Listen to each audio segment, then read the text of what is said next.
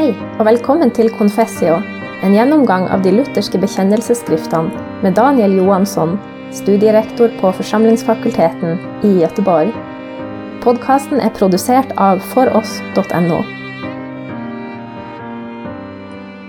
Vi ska återigen fördjupa oss i vår evangelisk-lutherska bekännelse. Vi håller på med den Augsburgska bekännelsen och har idag kommit fram till den elfte artikeln. Efter att i artiklarna eh, 9 och 10 ha talat om dopet och nattvarden så kommer nu två stycken artiklar som egentligen hamnar om samma sak kan man säga, eh, men med två olika rubriker, om bikten och om boten. Man kan inte riktigt förstå det som sägs om bikten om man inte vet något om boten och vice versa. Men idag så ska vi stanna inför den elfte artikeln som handlar om bikten. Eh, och det står inte så mycket i den, men det finns ytterligare en artikel som handlar om bikten, nämligen den 25 artikeln. Där förklaras innebörden i det som sägs i artikel 11 lite tydligare. Eh, och det är en lite längre artikel som jag kommer att läsa innan till ur och så kommer jag att ge lite förklarande kommentarer till den. Eh, men vi börjar i artikel 11 och så står det så här. Om bikten lär dem att den enskilda avlösningen bör bibehållas i kyrkorna ehuru i bikten uppräknandet av alla synder inte är nödvändigt Ty det är omöjligt, så som det står i salmen Vem märker själv hur ofta han fela? Och det där sista bibelcitatet är hämtat ifrån Saltarens 19 psalm och den 13 versen. Här sägs egentligen bara två saker.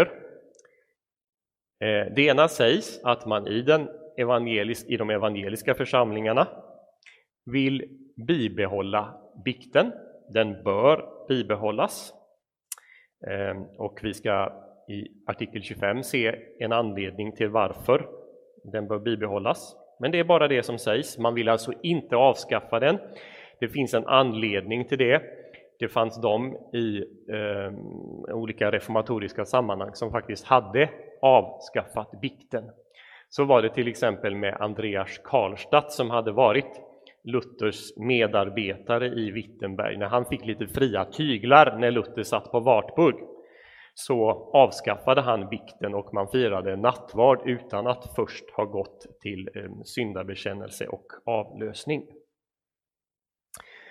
Så finns det en kritisk punkt också. Det står så att man, det är inte nödvändigt att räkna upp alla synder när man går till bikt. Bakgrunden till det är att man vid det fjärde Laterankonciliet som ägde rum 1215 hade fastslagit en rad saker angående bikten. Och en av de sakerna var att det var alldeles nödvändigt att muntligt räkna upp alla synder som man kunde komma ihåg.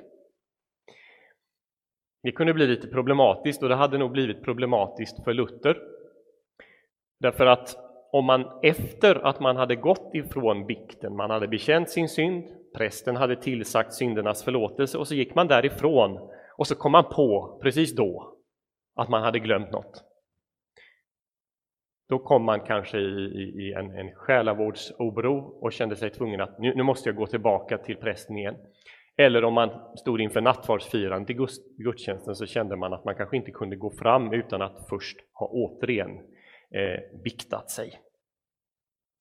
Eh, så här, här, kommer liksom, ska vi säga, den här ehm, mm, eh, samvetet, det känsliga samvetet kommer in i bilden som inser att det finns nästan alltid saker som man inte eh, kommer på och därför kan vi inte ställa det kravet utan syndaförlåtelsen måste gälla allt som man ber om förlåtelse för. Ehm, även om det skulle varit något som man hade missat att ta upp i bikten. Och, och, och här så, så, citerar då Melanchthon ett, ett bibelställe från Saltaren, nämligen Vem märker hur ofta man felar? Man, man märker inte alla eh, synder som man begår.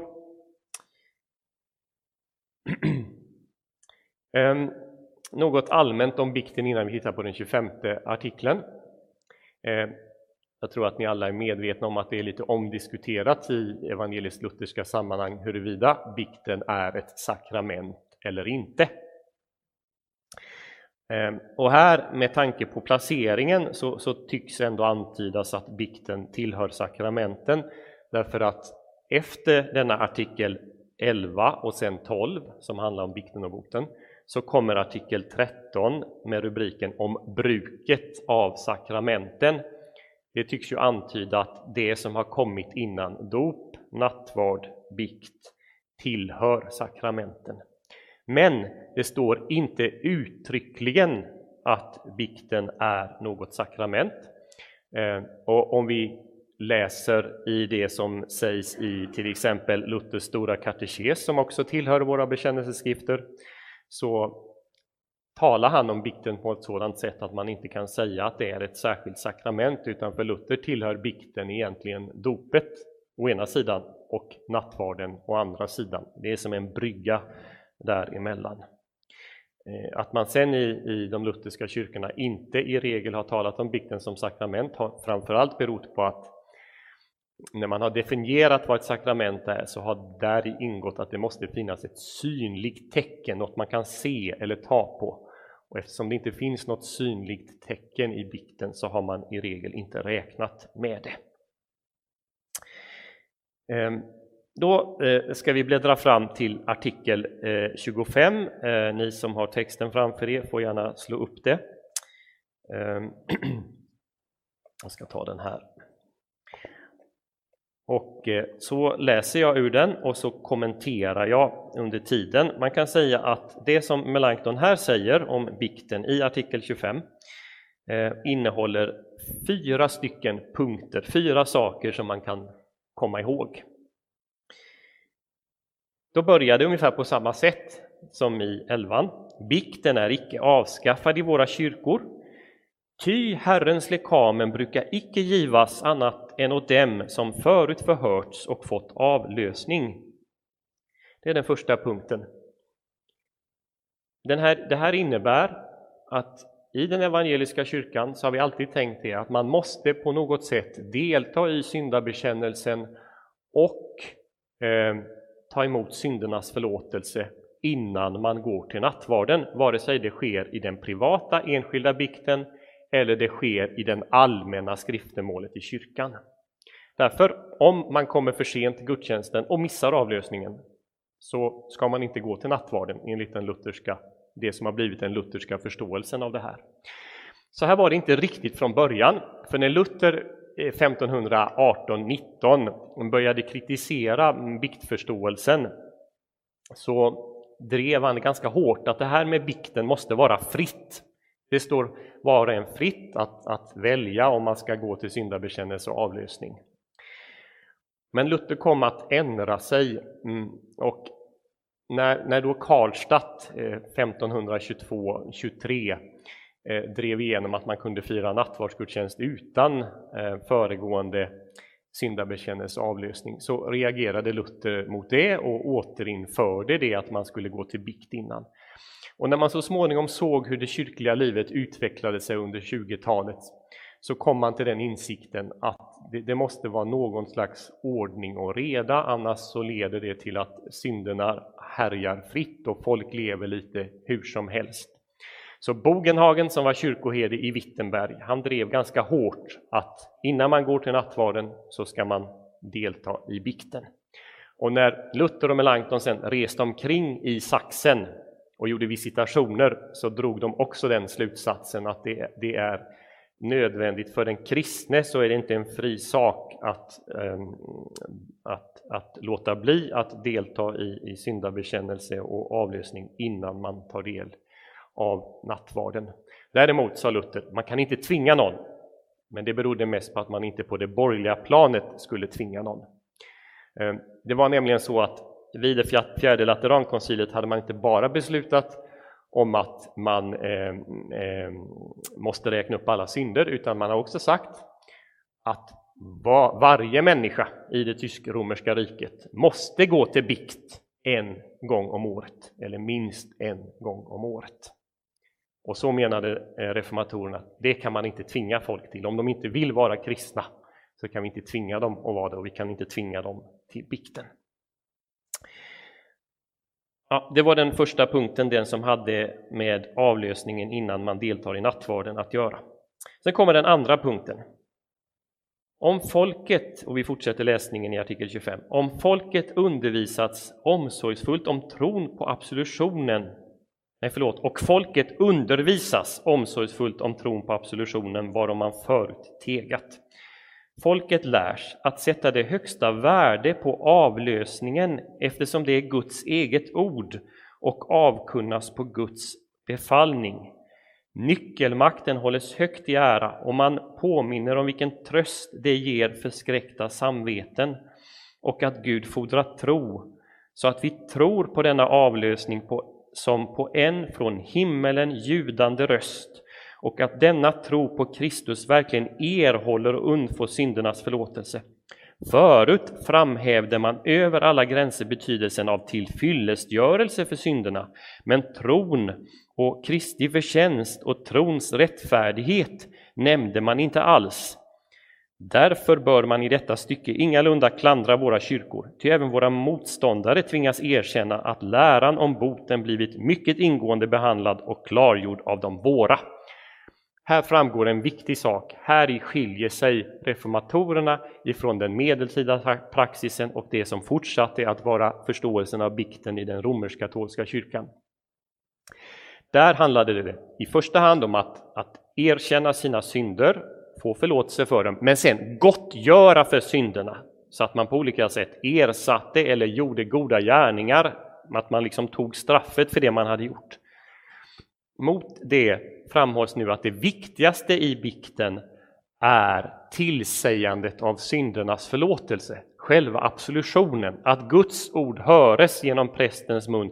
Dina synder är dig förlåtna. Och att det för den enskilde som tar emot en avslösning mm, fokus ska ligga på att man med hjärtat tror och förtröstar på att dessa syndernas förlåtelse gäller för mig personligen.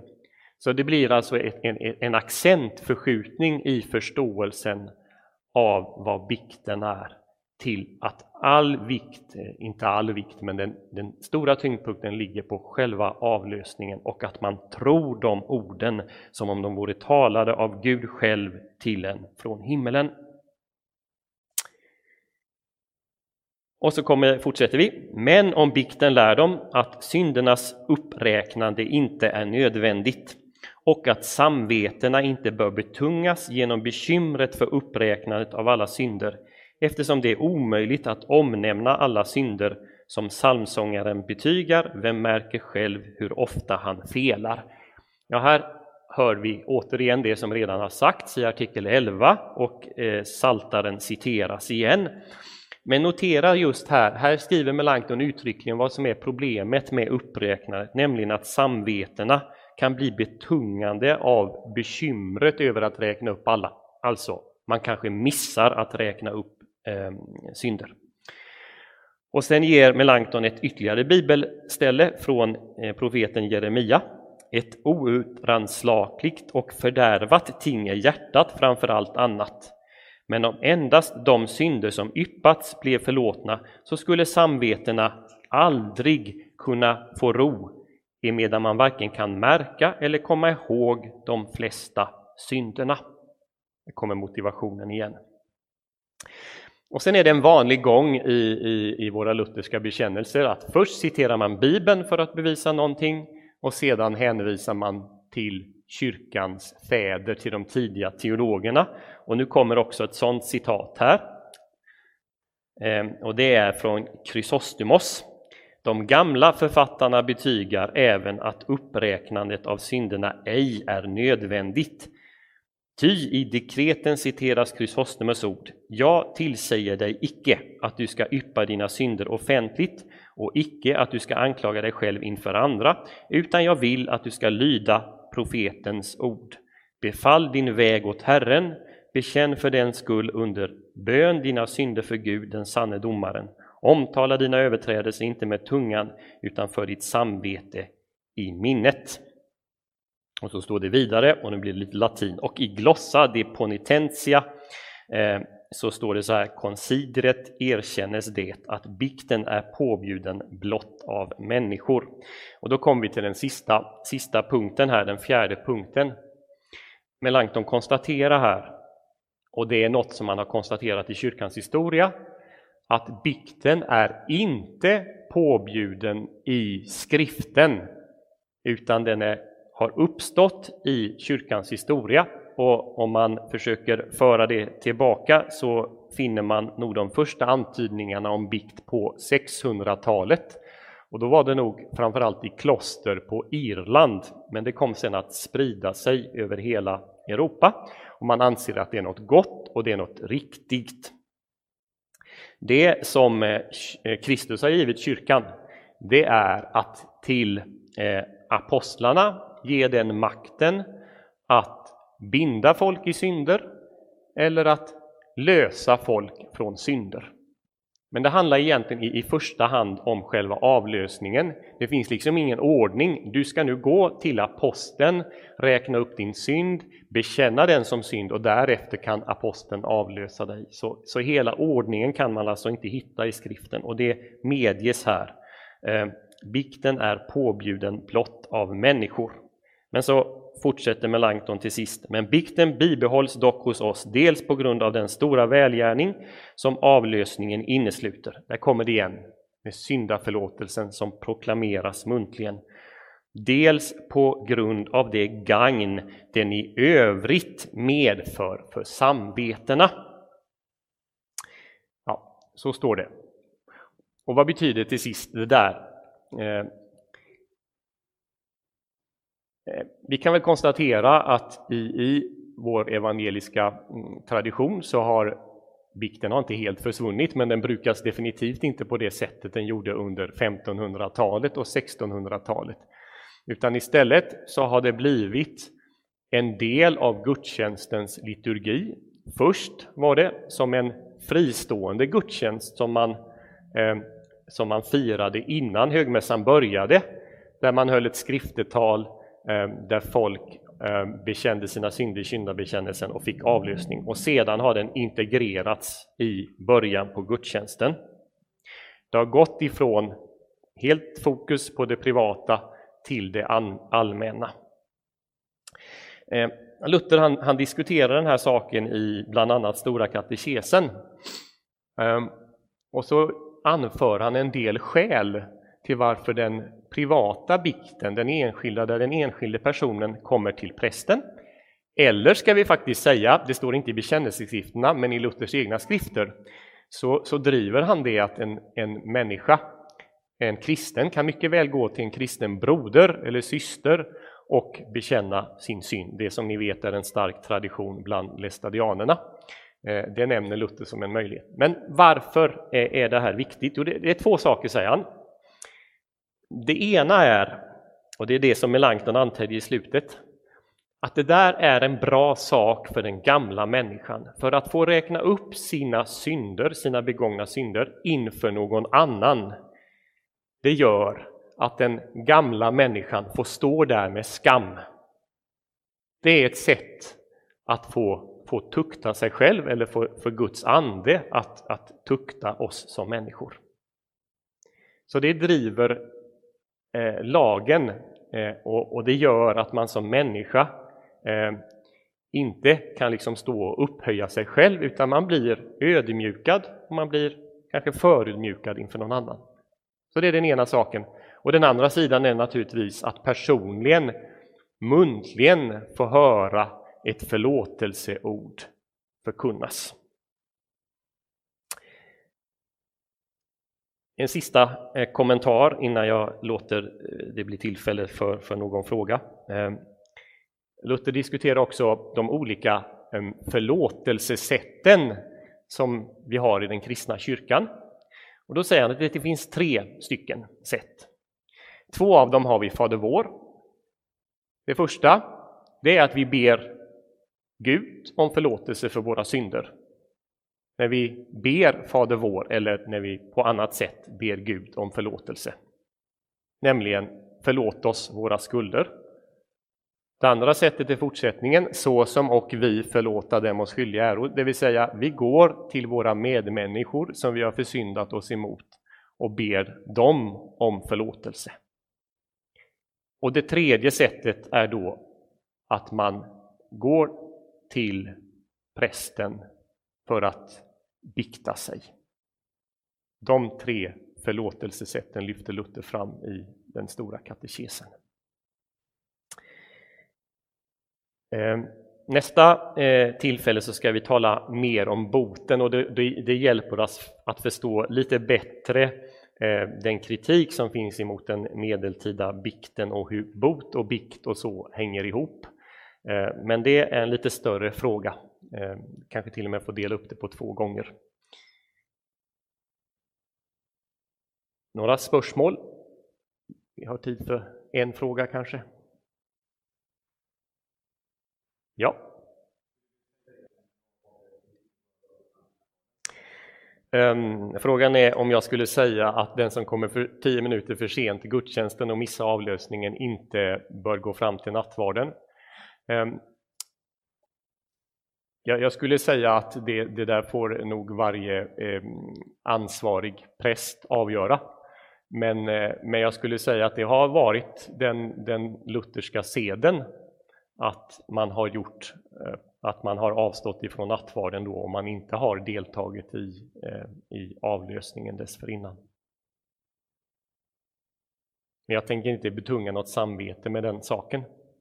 Men ibland är det gott med goda ordningar som man följer som församling. Ja.